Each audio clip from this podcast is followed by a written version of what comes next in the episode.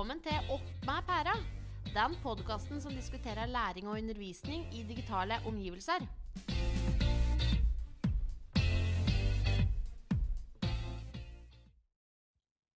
Hei, og velkommen til denne podkastepisoden. Mitt navn er Julie, og jeg har fått med meg to studievenninner.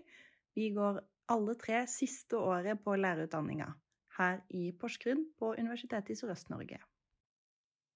I dag skal vi diskutere sosiale medier, elevers rolle, lærerens rolle, og hvordan vi sammen kan gjøre lærerstudenter forberedt på yrkeslivet med sosiale medier. Vi skal starte med en case. Ja. Eh, vi kan tenke oss at vi har en elev på ja, ungdomstrinnet eh, som har psykiske vansker. Eh, denne eleven benytter sosiale medier for å rope etter hjelp. Det er der eh, eleven uttrykker den hjelpa den trenger, og at den har det vanskelig. Eh, så spørsmålet er jo da eh, hva blir vår rolle inn i de sosiale mediene til den eleven? For spørsmålet da blir jo om det er sånn at det, eh, vi som lærere da skal og kan eh, bruke de sosiale plattformene til elevene til å se hvordan de har det, da. Eh, for min erfaring i hvert fall er jo at ungdommene spesielt eh, bruker jo sosiale medier til langt mer enn det vi gjorde. Det er jo der de legger ut egentlig alt om hele livet sitt. Absolutt hva som Og de oppdaterer jo nesten på minutt og så lenge de ikke er på skolen, da. Så da er det spørsmålet skal vi bruke vår tid både når vi er på jobb, men også i, på fritiden til da å følge med hvordan har denne eleven det nå? Og er det noen skrik om hjelp her som jeg burde oppdage, da? Som lærer? Ja. Og man kan jo oppdage veldig mye ved å bare følge de også i sosiale medier. Man ser jo hvem som får kommentarer på innleggene sine, hvem som svarer. Altså det er mye sånn trender som er ute og går blant ungdommen, hvor det er på en måte Sett et rødt hjerte hvis du liker meg. Sett et gult hjerte hvis du er vennen min. Sett et svart hjerte hvis du ikke liker meg. Mm. Og bare ved å gå gjennom kommentarene på sånn, et sånn innlegg, så kan man jo fort se hvordan eh, relasjonene i klassen er, da. Og eventuelt om det er noen i klassen som kanskje ikke har fått noen kommentarer. Det sier jo også ganske mye om relasjonene i klassen. Mm. Men er det vår jobb? Skal vi bruke tid på det i tillegg til alt annet? Mm. Og det tenker jeg vil jo ha mye å si om eh, det elevene møter på sosiale medier av eh, f.eks. kommentarer eller videoer de legger ut. Eh, hvor mye av det som også blir tatt med tilbake til skolen. Fordi mye av det vil jo påvirke skolehverdagen til elevene. Og da blir det jo automatisk eh, vårt ansvar som lærere da, å finne ut av hva er det som skjer på de sosiale mediene som gjør at eleven har det sånn som den har det. Mm, det er akkurat det. Vi kan godt si her at ja, det er ikke vår jobb, men det blir på en måte vår jobb til slutt uansett. For hva som skjer hjemme og i sosiale medier, det tar de jo med seg tilbake til klasserommet. Mm. Mm. Og det vet vi jo erfaringsmessig, men også uh, forskningsbasert at det gjør. Eh, har det vært en hendelse på sosiale medier hvor eh, noen har eh, hengt ut en person, da, eller eh, sagt, at, eh, sagt, noe stygt om den personen, så vet vi jo at det blir tatt med inn i skolehverdagen når de møtes dagen etterpå.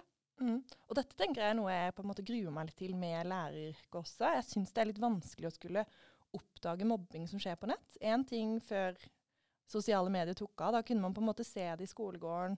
Mens nå så er det så mye, og spesielt med de eldre elevene, som du ikke får med deg med mindre du er på sosiale medier. Mm. Jeg tenker at det går litt på liksom, å følge barn og følge med på hva hvert enkelt barn gjør, men også bare vite hva som foregår. Hvordan fungerer de nye plattformene? Hva er det som skjer der? Hva kan de dele? Hva blir delt? Altså at man følger litt med på sånne trender, da. Mm. mm. Jeg er jo kontaktlærer på første året nå. Og eh, ser jo det at eh, selv om jeg, jeg, jeg vet jo veldig godt at det er veldig mye som skjer på det sosiale mediet som jeg ikke får med meg som jeg kanskje burde fått med meg, men jeg gjør jo ikke det fordi jeg går ikke inn og følger elever. Men veldig mange har jo også åpne profiler, så det er selvfølgelig mye du kan se. Men, men mye får du jo ikke sett.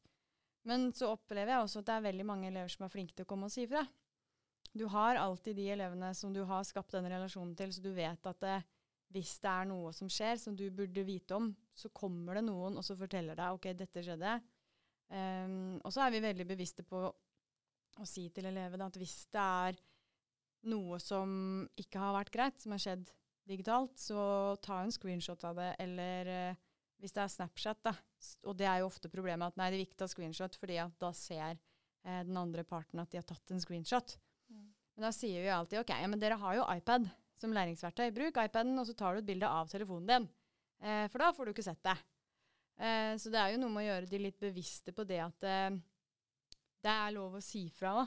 Mm. Du kan komme og be om hjelp, også på andre sine vegne. Uh, og at du, det fins måter å på en måte kalle det bevise det, da, det som har skjedd, uten at du blir oppdaga. Mm. Det er et veldig godt poeng, spesielt det med iPaden. Ja. Mm. Og så tenker jeg at Det går jo an å forebygge også. I forhold til læreplanen så er det jo vår jobb å lære disse barna digital danning. Mm. Og ved å gjøre et godt arbeid der, så kan man jo kanskje forhåpentligvis forebygge noen av disse hendelsene også.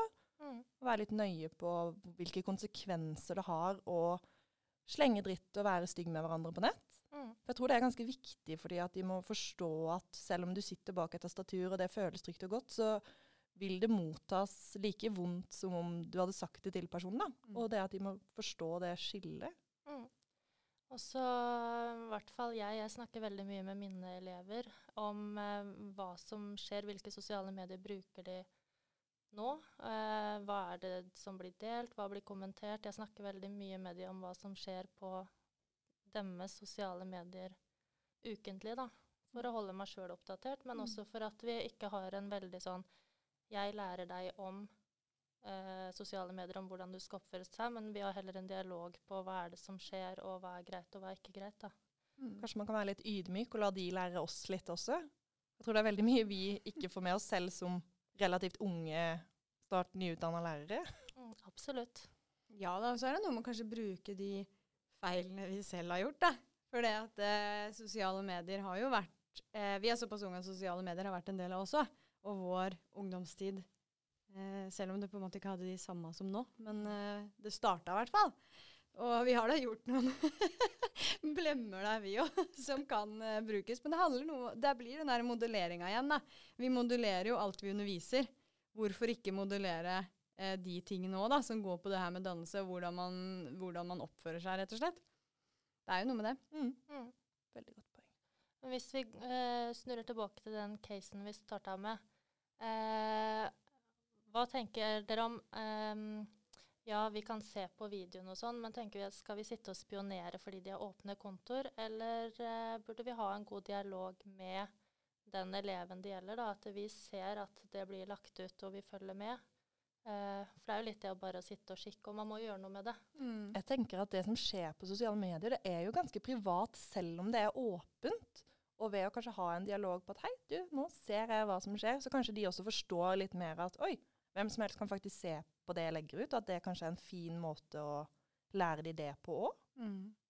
Men så er det jo det at um, i den casen, da, så kan det jo være mange faktorer vi ikke vet om. Og da er jo spørsmålet eh, legger eleven det åpent fordi at eh, hun eller han ønsker at vi skal se det? Fordi de vil ha hjelp? Eller legger de det åpent uten å tenke over det, sånn som du sier? Da, at man, man, ikke har den refleksjonen om at ok, dette ser alle sammen. Det er litt vanskelig, da. Mm. Og hvis det er sånn at de Jeg tenker i hvert fall fra mitt ståsted, da. Hvis eleven ønsker eh, altså er klar over at ok, dette legger jeg åpent, og jeg gjør det fordi at jeg ønsker å få hjelp med de tingene som jeg sliter med, så ville det i hvert fall for meg vært viktig å, å gjøre det for den eleven, da, og fulgt med der hvis det er elevens måte å kommunisere på. Mm. For det er jo mange elever som syns det er vanskelig å snakke direkte mm. til kanskje spesielt en voksen. Da. Og da vil det jo være en fordel hvis de vet at du følger med. Ja. For da kan de kanskje kommunisere ting de syns er vanskelig å kommunisere verbalt. Ja. Mm. Men det er kjempevanskelig, og jeg tror det er en uh, Jeg tror det er veldig vanskelig å finne balansegang der. Mm. Tror jeg. Mm. mm. Og det opplever jeg i hvert fall selv. Mm. At uh, jeg ikke helt kanskje har klart å finne. Og det går jo også litt på det her om Det er stor diskusjon når jeg har vært inne og snoka litt i forskjellige læreforum på både Facebook og Kvinneguiden og det som er, angående det her med å være venn med elever i sosiale medier. Mm. Og det også er jo liksom litt det samme, da. Og da er det veldig forskjellige meninger. Noen mener at det er helt OK, mens andre har veldig sterke meninger mot å være venn med elever på sosiale medier. Og så er det jo også skoler som har satt regler på at det ikke er greit. Mm. Jeg, eh, for min del, da, så har ikke vi lov til det.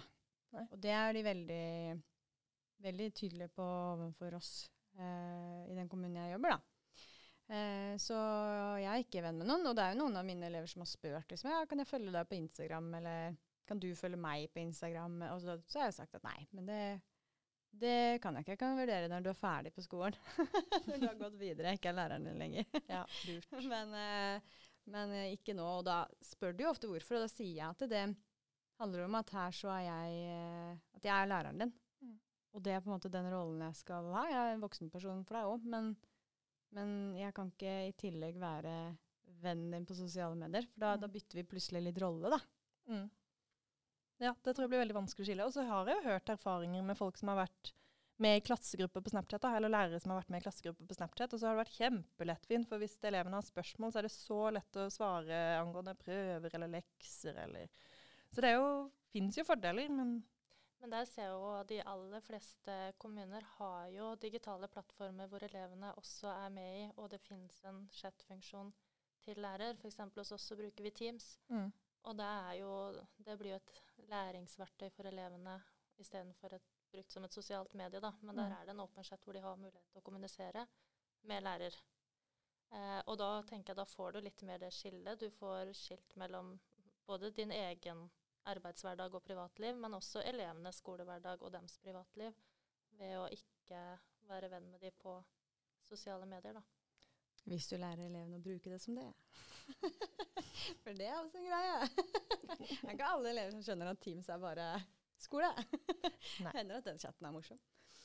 Nei da, men det er noe med det. Altså. Men jeg har jo hørt om Det har sikkert sine praktiske årsaker, som du sier. Det å være At de kan stille spørsmål på en enkel måte. Men eh, jeg har da også hørt om lærere som har eh, utnytta det til å felle med veldig på hva elevene gjør, og som har sendt bilder av seg selv, mens de svarer med bilder av seg selv tilbake. Så, hvor det blir en sånn Er det på en måte egentlig greit å sitte og sende selfie fram og tilbake til mellom en 40 år gammel mann og en 14 år gammel jente, liksom? jeg ville jo sagt absolutt ikke. Ikke sant? Og da, det, så det er jo en sånn Selv om det er en selfie, da, så er vi jo allerede der eh, gått langt over en grense. Mm. Enig. Jeg så faktisk det var en stat i USA som hadde forbudt det på grunnlag av å forebygge sånn pedofili. Ja. Mm. Mm. Men uh, ja, tilbake til roller på sosiale medier. For én ting er å være venn med de og følge med på hva de gjør, men de kan jo også se hva vi gjør på sosiale medier. Og der føler jeg kanskje at det er litt annerledes å være lærer kontra f.eks. jobbe i butikk eller frisør eller ingeniør eller hva enn. For har man et spesielt ansvar som lærer? Kan man legge ut hva man vil på sosiale medier? Kan man like å kommentere som man vil? Er det innafor? Eh, min leder er veldig tydelig på at vi ikke skal det. At vi skal være obs på hva vi legger ut, hva vi deler, hva vi kommenterer. Du har jo mange Facebook-grupper Facebook-grupper for lærere med ganske mange tusen medlemmer. Som eh, kan være Det kan være interessant lesning, det. At det kan. Eh, ja. Og eh, jeg vet at eh, Nei, jeg hadde ikke lagt ut noe der, og det har på en måte våre ledere vært veldig tydelige på at det, det gjør vi ikke. Og så er jo spørsmålet da om alle holder det, og du kan jo kanskje ikke legge noe konsekvens på, på det. Det er sikkert en vanskelig greie for arbeidsgivere, for det tror jeg ikke. For du, jeg er jo venn med kollegaer som, som ikke er så filtrerte, kanskje. Men du har jo hørt caser ved Altså hvor lærere har fått sparken pga. noe de har gjort på sosiale medier. da. Ja. De Men hvor er, går grensa da, liksom, for å forsvare det opp mot arbeidsmiljøloven? Usikker. Ja. Men det er veldig greit med sånn som din kommune, da, som har faste regler. For da er det så lett å følge. Du vet at du skal ikke være venn med de på Facebook. Du skal tenke på hva du deler. Ferdig snakka. Ja. Kjempefint. Ja. Mm. I stedet for de skolene som har liksom åpent for diskusjon. Gjør det du føler er greit selv. Det blir litt vanskeligere. Mm. Mm. Men så vet jeg jo at det er mange lærere som, som også tenker at ja, men mine sosiale medier er min fritid. Mm. Hvorfor skal arbeidsgiver styre det, Mm. og overstyre hva jeg gjør der? Det er jo en del som tenker det òg. Mm. Så det er en Jeg tror det er veldig vanskelig å finne et fasitsvar på det. Mm. Og så tenker jeg at det kanskje har litt å gjøre med hvilke medier det er snakk om. Mm. Altså De fleste medier kan du stenge ned. Mm. Jeg har privat bruker på det aller meste som er mulig å ha privat bruker på. Jeg er helt private brukere. Jeg har blitt Ja. stalka av elever nok ganger. Ja, var vikar eh, på syvende trinn, og andre dagen så kom de og hadde prøvd å søke meg opp på alt som var. Ja. Jeg var veldig takknemlig for at jeg hadde stengt de profilene. Ja, det hadde jo ikke jeg, så den ble meg jo ikke jeg på. Så de fant jo hele liksom sånn derre eh, Det skrev Susanne i 2008, liksom. Bilder fra russetida. Ja. ja, det er jo ikke bra. Og så er det jo en greie med den digitale mobbinga, da. For det er, det er jo mye av det som skjer. Altså, det er mye digital utstenging, men også digital mobbing. Og en av tingene med det er jo at eh, ja, vi må jobbe med å forebygge det i skolen. eh, som i seg selv egentlig er Det er jo ikke så vanskelig det å forebygge. Eh, spørsmålet er jo bare hvordan elevene tar det. Om vi, vi kan ikke overstyre at de på en måte skal ta det til seg. Men vi kan gjøre vårt beste i hvert fall med å forebygge gjennom å, å vise de konsekvenser. Og her finnes det utrolig mange opplegg eh, som man kan bruke, som er ferdig laga. F.eks. Eh, bruk huet. Mm. Um, men så er det den biten med, med hjemmet òg, da. Eh, Fordi at eh, det hjelper ikke om vi står og jatter om forebygging, eh, eller det å ta tak i det, hvis ikke vi har hjemmet på vår side, da. Mm. Det er veldig vanskelig å jobbe mot digital mobbing eh, hvis, hvis vi ikke får støtte fra de hjemme, da. For det er jo egentlig der det foregår. Mm. Det er jo bare at det blir tatt med inn i skolen. Men det er jo hjemme det primært foregår, for veldig mange har jo mobilfrie skoler. Så det er jo ikke der det skjer. Og da er jo spørsmålet hvordan, hvordan gjør man det? Hvordan man får foreldrene med på banen. Mm. Ja. Hvordan klarer man å dra sammen, da? For vi har mange ulike foreldre Mm. og ulike lærere. Og vi er mennesker som uh, jobber sammen, og som jobber med mennesker, og som skal samarbeide med mennesker. Og det Vi er jo så ulike av og til at det kan være vanskelig, da. Ja, det er kjempevanskelig. Ja.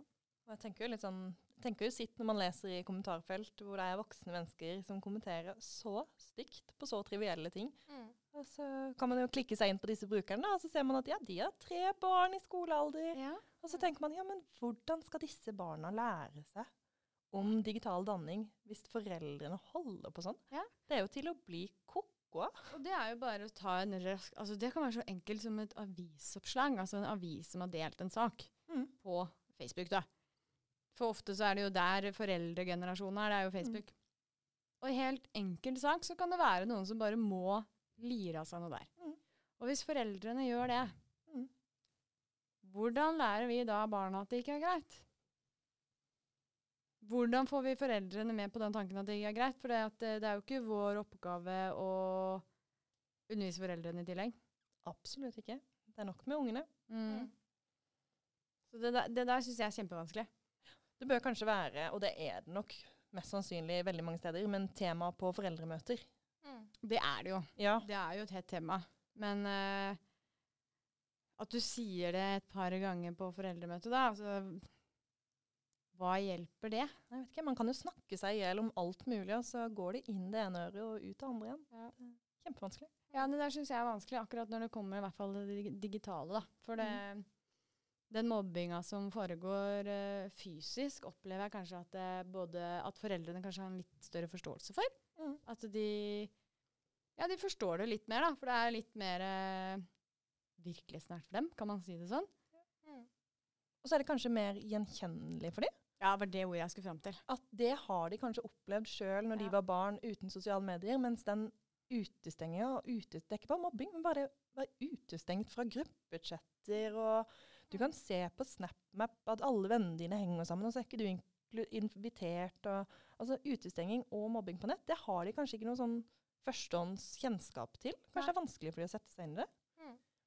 Men sånn avslutningsvis da, så tenker jeg at vi kanskje må oppsummere med at det er ikke vår jobb å oppdra disse foreldrene innenfor digital danning, men at vi som lærere må gjøre det beste vi kan for at neste generasjon kan gjøre en bedre jobb med sine barn.